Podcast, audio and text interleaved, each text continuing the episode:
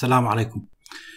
كانت الداروينية ثورة حقيقية في العلوم، فقد غيرت الداروينية نظرتنا للحياة العضوية ويتعلق أبرز تغيير بزوال التفكير الغاية، أن هناك غاية من أجلها خلقت الكائنات الحية. يتضح كل ذلك في ماذا؟ في الازدواجية التفسيرية للفيلسوف كانت. كانت يطبق معيارين مختلفين في شرح الطبيعة العضوية وفي شرح الطبيعة غير العضوية. يقدم الفيلسوف كانت نظرية فيزيائية ميكانيكية بحتة لأصل وتطور العالم غير العضوي. وأوضح تاريخ الكوني ظهور النظام من الفوضى. كانت في البداية هناك فوضى أصلية ومن خلال أيضا تطبيق أسباب ميكانيكية قوانين فيزيائية بحتة على هذه الفوضى اللي أصبحت هي الكون. لذلك يوجد في أعمال الفيلسوف كانت توقع مبكر جدا لنظرية الانفجار العظيم البيج بن فيما بعد. في بداية حسب كانت توجد حالة من الفوضى. وثم أصبحت في الوقت الحاضر يوجد نظام. إذا تحول العالم تحول الكون من الفوضى إلى النظام. النظام الأكثر وضوح هو نظام الأنظمة الكوكبية. على سبيل المثال مجموعتنا الشمسية وغيرها. لذلك الأنظمة الكوكبية تتجمع داخل مجرات وهذه المجرات تتجمع داخل عناقيد. لذلك كان الفيلسوف كانت أول من خمن إنه نقاط الضوء الموجودة في السماء اللي هي النجوم تمثل لك بالواقع تمثل بالأصل مجرات أخرى موجودة في هذا الكون مشكلة من نفس ال ال الشيء أو بطريقة مشابهة جدا لنفس مجرتنا درب التبانة. طيب كيف نشأ هذا النظام الكوني؟ لم يحتاج الفيلسوف كات لم يحتاج إلى فقط قوانين نيوتن حتى يفسر حركة النظام الكوني وبالتالي هو فعلا فسرها حسب قوانين نيوتن. لذلك يكمن روعة وجمال فرضية كانت الكونية في أنها تصور الكون كله بمنزلة شبكة واحدة واسعة من النظم والنظم الفرعية كلها تخضع للانتظام النيوتني. يأكد الفيلسوف كانت على أنه يمكن تفسير نشأة النظام الكوني اليوم من الفوضى الأصلية إلى الانتظام عن طريق اللجوء إلى القوانين الفيزيائية الميكانيكية وحدها فقط. لذلك التطور الكوني كما صور كانت يفتقر إلى أي هدف؟ لا يوجد إلى غاية. القوانين الميكانيكية لا تسعى إلى أي هدف على الإطلاق. لذلك ينكر الفيلسوف كانت فرضية الأهداف النهائية في تفسير تاريخ الكوني. لذلك هذه الطبيعة غير العضوية. هذه الطبيعة غير العضوية لا تسير حسب الفيلسوف كانت وفق أي تصميم سابق الوجود. ولكن على العكس منها حسب الفيلسوف كانت الطبيعة العضوية الكائنات الحية مختلفة. مختلفة على نحو مثل يرى كانت أن الطبيعة العضوية أن الكائنات الحية لا يمكن تفسيرها من دون وجود مصمم أو من من دون وجود تصميم لها يعني يأتي التصميم مصحوب بهدف. تصمم الأداة للقيام بهدف. على نحو مشابه لا يمكن تفسير الطبيعة العضوية الكائنات الحية من دون أي تصميم.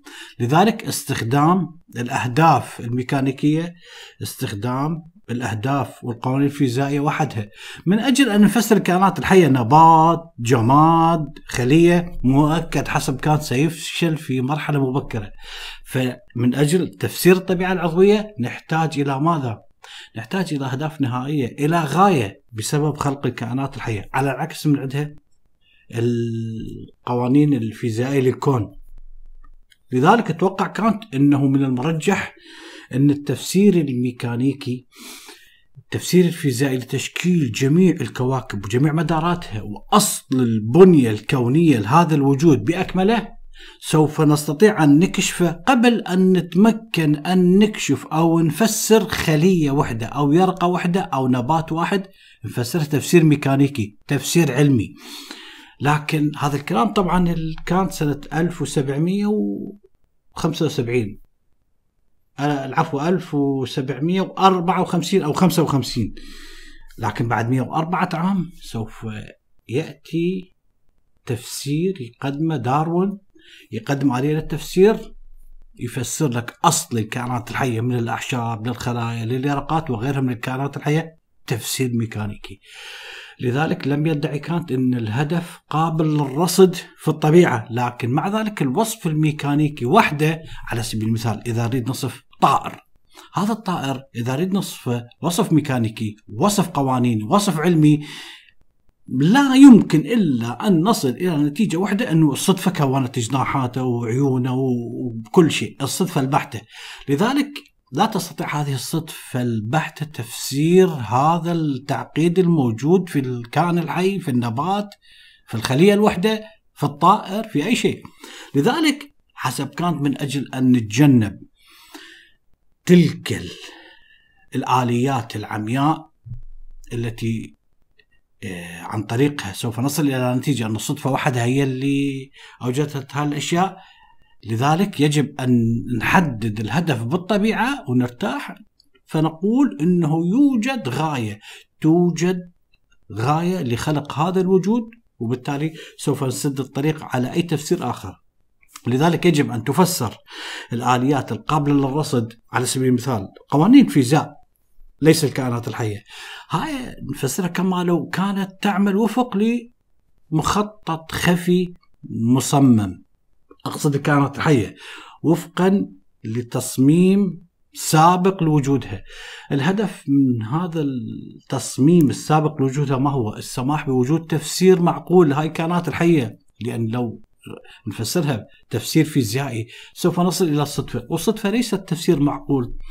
لذلك يشير الفيلسوف كانت إلى أن الآليات العمياء ليست كافية من أجل أن تفسر لك الكائنات الحية العضوية أبدا لذلك عند دراسة كائن حي عند دراسة مخلوق عضوي ما من الممكن دائما أن نسأل لماذا توجد العيون هنا؟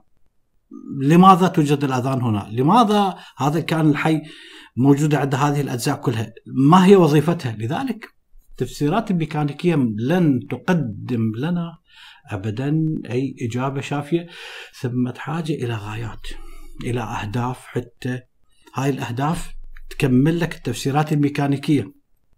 التفسيرات الميكانيكية ثم حاجة إلى أهداف نهائية بالنسبة للكائنات الحية من أجل أن نفهم الوجود الإنساني من أجل نفهم حتى الأخلاقيات لذلك رأى البشر قبل كانت وحتى بعده أنفسهم بمنزلة الهدف النهائي الموجود على هذه الأرض. وجود البشر على هذه الأرض لهم غاية ولهم هدف من خلقهم وليس صدفة وليس اعتباط. لذلك هل هناك ازدواجية في تفسير كانت؟ نعم هذه ازدواجية في تفسير كانت من جهة يفسر لك الكون حسب قوانين، من جهة يفسر لك الكائنات الحية تفسير غائي، يعني هناك من خلقها، هناك رب خلق هاي الكائنات وإلها غاية، لذلك هذا كان المفهوم يعني بحلول نهاية القرن الثامن عشر يعني عندما نسأل لماذا كانت توصل إلى هذه النتيجة؟ كانت العلوم في نهاية القرن الثامن عشر كانت العلوم الفيزيائية قضت على كل تفكير غائي على كل هدف من أجل خلق الوجود أو الكائنات الحية. لذلك كانت قدم نفسه على اعتباره أنه يملك تفسير ميكانيكي لتطور الكون ولكن كان من الصعب أن يرى كما لاحظنا بهاي الازدواجية كيف يمكن ل يعني يقدم تفسير لدراسة العالم العضوي. لذلك قال بوجود مصمم من أجل خلق هاي الكائنات الحية وهذا أفضل له. لكن مع ذلك عندما توفى كانت سنة 1804 كان علم الأحياء أقل تطور جدا من علم الفلك ومن علم الفيزياء. كان علم الأحياء يفتقر إلى القوانين الأساسية يفتقر إلى المشاهدات الدقيقة يفتقر إلى البنية المؤكدة.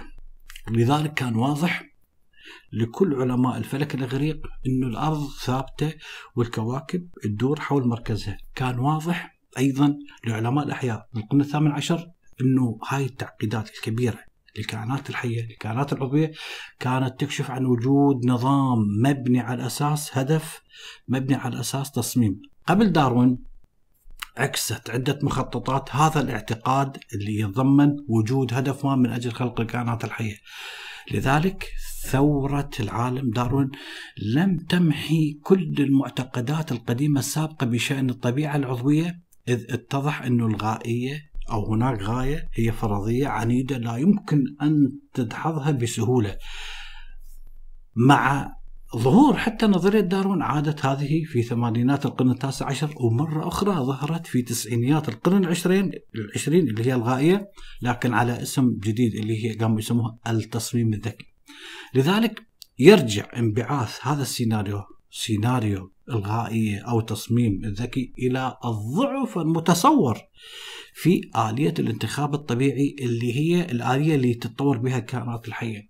حتى أنه كثير أو من أشد مؤيدي نظرية التطور من العلماء أوغست وايزمان هذا العالم اللي توفى سنة 1914 كان من أكثر مؤيدي نظرية التطور توصل إلى اكتشاف هائل وهو أن الخلايا الجنسية فقط الخلايا الجنسية هي التي تنقل المعلومات الوراثية فقط. أوضح وايزمان ضد رأي العالم اللي سبق داروين لامارك بشأن انتقال السمات المكتسبة. كان يعتقد أن الزرافة إذا تبقى تمد بعنقها سوف تطول. على العكس من عنده أن الخلايا الجسدية لا يمكن أن تنقل السمات الوراثية من الآباء إلى الأبناء. طبعا أيضا لفريد والز زميل دارون أكد هالشيء فقال إنه لم يزعم قط إنه أطفال الآباء البكم يواجهون أي صعوبة غير عادية في تعلم الكلام أو حتى نفرض إنه شخص ما يستخدم فمه ولسانه للكلام. هل سوي يخرجون أبنائه؟ آه، لا يتكلمون؟ لا هذا الشيء ليس له علاقة فقط الخلايا الجنسية تنقل الصفات الوراثية. لكن مع ذلك وجد وايزمان صعوبة في التخلي عن النظرية الغائية حال حال كانت. وبالضبط تماما مثل والز في شرحه لنظرية داروين على اعتبار بدأ عنده ازدواجيه بين النظريه الميكانيكية والنظريه النظريه الميكانيكيه يفسر بها الكون والنظريه غائية يفسر بها الكائنات الحية. بالضبط مثل كانت من خلال افتراض غاية جوهرية من أجل هذا الكون. لذلك هناك فرق بين وايزمان العالم ووايزمان الفيلسوف. وايزمان العالم اللي يرى الكون باكمله عبارة عن قوانين فيزيائية ميكانيكية وفرق بين وايزمان الفيلسوف المرعوب مرعوب من الماديه الصرفة ولذلك يحاول جمع مفهوم ميكانيكي لتفسير هذا الكون مع مفهوم غائي من أجل تفسير الكائنات الحية. ليس هو فقط على غرار الكثير من اللي كانوا يعاصروه يخشون أنه عندما يتخلى عن الغاية عندما يقول أنه هاي الكائنات الحية على سبيل المثال هي تطورت عن طريق الصدفة العشوائية يخاف أنه بالنتيجة سوف يصل إلى فقدان الثقة بالله، فقدان الثقة بالأديان، فقدان الثقة بالروحانيات. لذلك من وجهة نظر معارضين نظرية التطور كان لنظرية التطور نتيجة مرعبة أو نتيجة غير مرحب بها وهي المادية. لذلك كانت نظرية التطور أكثر من مجرد أطروحة علمية هذه الأطروحة هددت لك القناعات الفلسفية الدينية بالكامل. هذه القناعات الفلسفية والدينية اللي كانت تعتبر راسخة. لذلك لحد اليوم لا يزال هذا التعقيد الشديد بالنظم بالوظائف البيولوجية. هذا التعقيد لا زال يجعل المعارضين لنظرية التطور يخلصون إلى لابد من وجود مصمم ذكي للكائنات الحية حتى نرتاح ونصل إلى تفسير رائع. لذلك من وجهة نظر الغائية اللي هي تعطي تفسير صحيح لوجود الكائنات الحية من ضمنها عدة أمور طبعا التفسيرات الغاية من ضمنها شيء نسميه سلسلة الوجود العظمى. هاي سلسلة الوجود العظمى هي أيضا تفسر لك هي الغاية أحد الغايات اللي نتكلمنا عنها. على سبيل المثال يقول أحد العلماء لا يمكن أن نفهم كيف أن السمك السلمون المرقط في شمال جبال الألب هو يمكن أن ينتمي إلى نفس الأصل مثل أسماك السلمون المرقط في جنوب جبال الألب مع العلم أن النوعين مفصولان بسلسلة جبلية لا يمكن تخطيها. لذلك هاي الفكرة لبنية الطبيعة العضوية نسميها سلسلة الوجود العظمى. تعود هذه الفكرة إلى ماذا؟ هذه الفكرة اللي هي الغائية. تعود إلى زمن الإغريق فكان عند الإغريق أنه هذا العالم يصور على شكل سلم درج. هذا السلم درجاته متراصة يعني صعودا من الأسفل إلى فوق وكل درجة بها جميع أشكال الكائنات الحية موجودة على هذا السلم. من الملائكة فوق ينزلون إلى الإنسان إلى الحيوان إلى أن تصل إلى آه، دودة وضيعة إلى أقل دودة وحشرة أقل كائن حي بترتيب تنازلي. سوف يكون هذا الإله يتجسد هذا الإله في أعلى السلم على شكل من الأشكال وأيضا سوف يحتل كل مخلوق تحت هذا الإله درجة في هذا السلم الهرمي بما أن الإنسان يمتلك غرائز وبنفس الوقت يمتلك أحاسيس جسدية وبنفس الوقت يمتلك قدرات على التفكير. إذا سوف يحتل الإنسان مرتبة بعد الملائكة وقبل الحيوانات. بعد الملائكة على اعتبار أنه عنده يحكم عقل خالص وقبل الحيوانات على اعتبار أنه عنده غريزة حيوانية. لذلك كان ينظر إلى هذه السلسلة بأكملها على أنها سلم متدرج للكمال. كائنات الحية من فوق الإله والملائكة والبشر ثم الحيوانات وغيرها.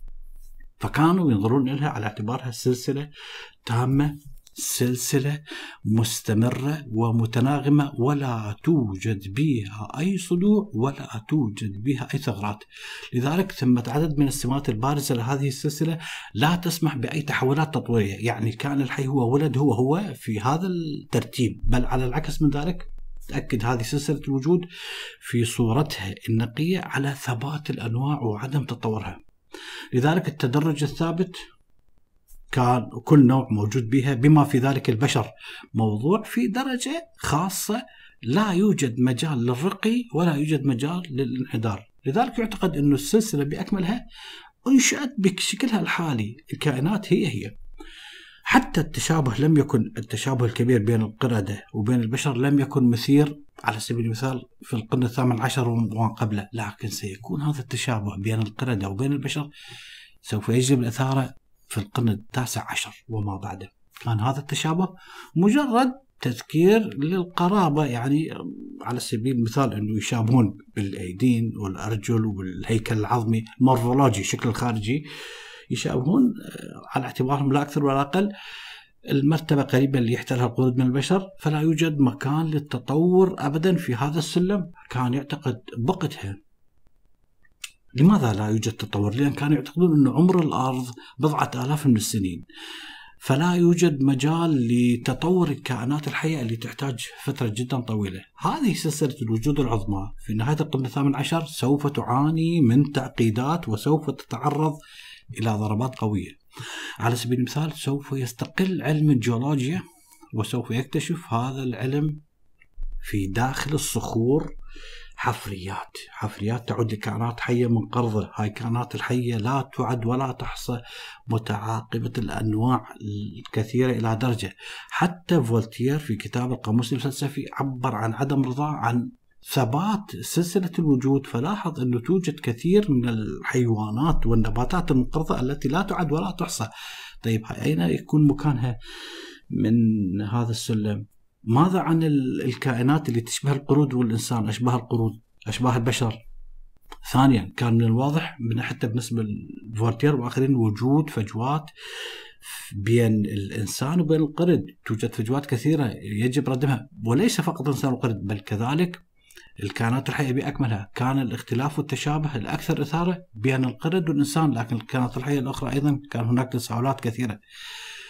أهم نقطة بها هاي سلسلة الوجود العظمى هو أنه بدأوا العلماء يشككون في وجهة النظر التقليدية. هاي وجهة النظر اللي تقول أنه عمر الأرض بضعة آلاف فقط من السنين. زادت الحساب يعني من قبل بعض العلماء عن عمر الأرض من آلاف إلى ملايين السنين. وبدأ يتضح للعلماء أن عمر الأرض كان أكبر بكثير مما كان متصور.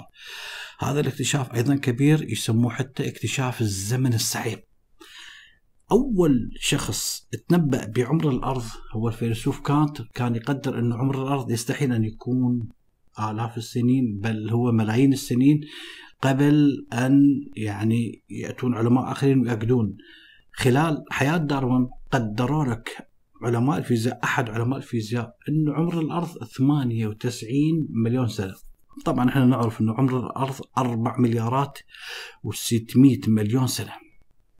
لذلك في مواجهة هاي الصعوبات لم تعد هاي الغائية. سلسلة وجود العظمى وصف للكون أو للكائنات الحية ممكن أن يكون آه، دقيق جدا. لذلك سوف يخضع لمراجعة مفاهيمية أصبحت السلسلة يعني محط تساؤلات كثيرة. لذلك سوف يتحول هذا الترتيب من التنازلي يعني الله الملائكة الإنسان ثم بقية الحيوانات إلى سلم تصاعدي على اعتبار الحيوانات كثيرة جدا.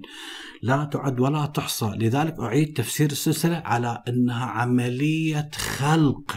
هاي عملية الخلق تحدث على فترات زمنية جدا طويلة. سوف يأتي الفيلسوف لايبنز حتى يسوق تعبير لتفعيل التسلسل الزمني على سلسلة الوجود. فيقول نحن ندرك أن ثم تقدم وأكثر حرية للكون كله نحو ماذا؟ نحو جمال وكمال عالمي لكائنات الله. بحيث هذه الكائنات تتقدم مزيدا من التطور. لذلك على الرغم من أنه هذه سلسلة الوجود الكبرى تحولت إلى تحولت من سلم تنازلي إلى سلم تصاعدي. أيضا اللي راح يصير إنه احتفظت ببعض معالمها الأساسية. لذلك يتطور الكون بأكمله نحو الكمال. الكون بأكمله وليس فقط الكائنات الحيه يعني أصبح يتبع إلى خطة، لم تعد هذه السلسلة كما في السابق لم تعد ثابتة لكنها تواصل النمو على نحو غائي نحو هدف معين. لذلك مع تفعيل هذا التسلسل الزمني لسلسلة الوجود سوف يظهر في هذه السلسلة حس بالنمو بالتطور في التفكير البيولوجي. لم تعد هذه السلسلة على نحو ثابت على اعتبارها درج سلم موجودة بكائنات الحية بل أصبحت لك على شكل شجرة شجرة التطور الداروينية شجرة تتألف من بذور وتنمو ساق وأوراق بأكملها. بدأت في بدايات بسيطة فيروسات بكتيريا ثم تطورت إلى معجزات عضوية بعد فترة طويلة من الزمن. مع ذلك مع كل هذا ظلت فكرة العناية الإلهية الراعية هي الفكرة الأساسية. على اعتبار رعاية مفيدة من الرب لسكان الأرض هي بقت افتراض رئيسي قبل نظرية التطور داروين كان يوجد تصور عام بأن الرب هو صانع ماهر أن الله شخصيا أشرف على خلق أصغر الكائنات الحية إلى أكبرها في هذا العالم الطبيعي. حتى الفيلسوف لابنز لم يحد عن هذا المفهوم ابدا فكان يعني يسير على نفس الازدواجية اللي صار عليها الفيلسوف كانت أو كانت من بعده إيه يصير على نفس ال ال ال الازدواجية كان يرى إنه القوانين الميكانيكية هاي قوانين الكيمياء الميكانيكية تفسر لك قوانين الطبيعة مثل قوانين الحركة اللي تحكم جميع الأشياء اللي ممكن أن نراها بالعين المصغرة حتى لا يوجد داعي لأن الرب يدخل نفسه في هذه العمليات الميكانيكية الفيزيائية اللي تلقائيا تتحرك مع بعض بعضها البعض. لكن الكون حسب لايبنز أشبه بالساعة. ساعة عملاقة كبيرة هذا الكون آلي بالكامل. أما العالم العضوي حسب لايبنز هذا العالم مختلف فيتطلب تصميم يتطلب هدف يتطلب تطور غائي وسيتطلب الأمر جهود. من أجل التغلب على الإيمان بالتكشف التدريجي لذلك التعقيد العظيم الموجود بالكائنات الحية على العكس من عنده في الأمور الميكانيكية.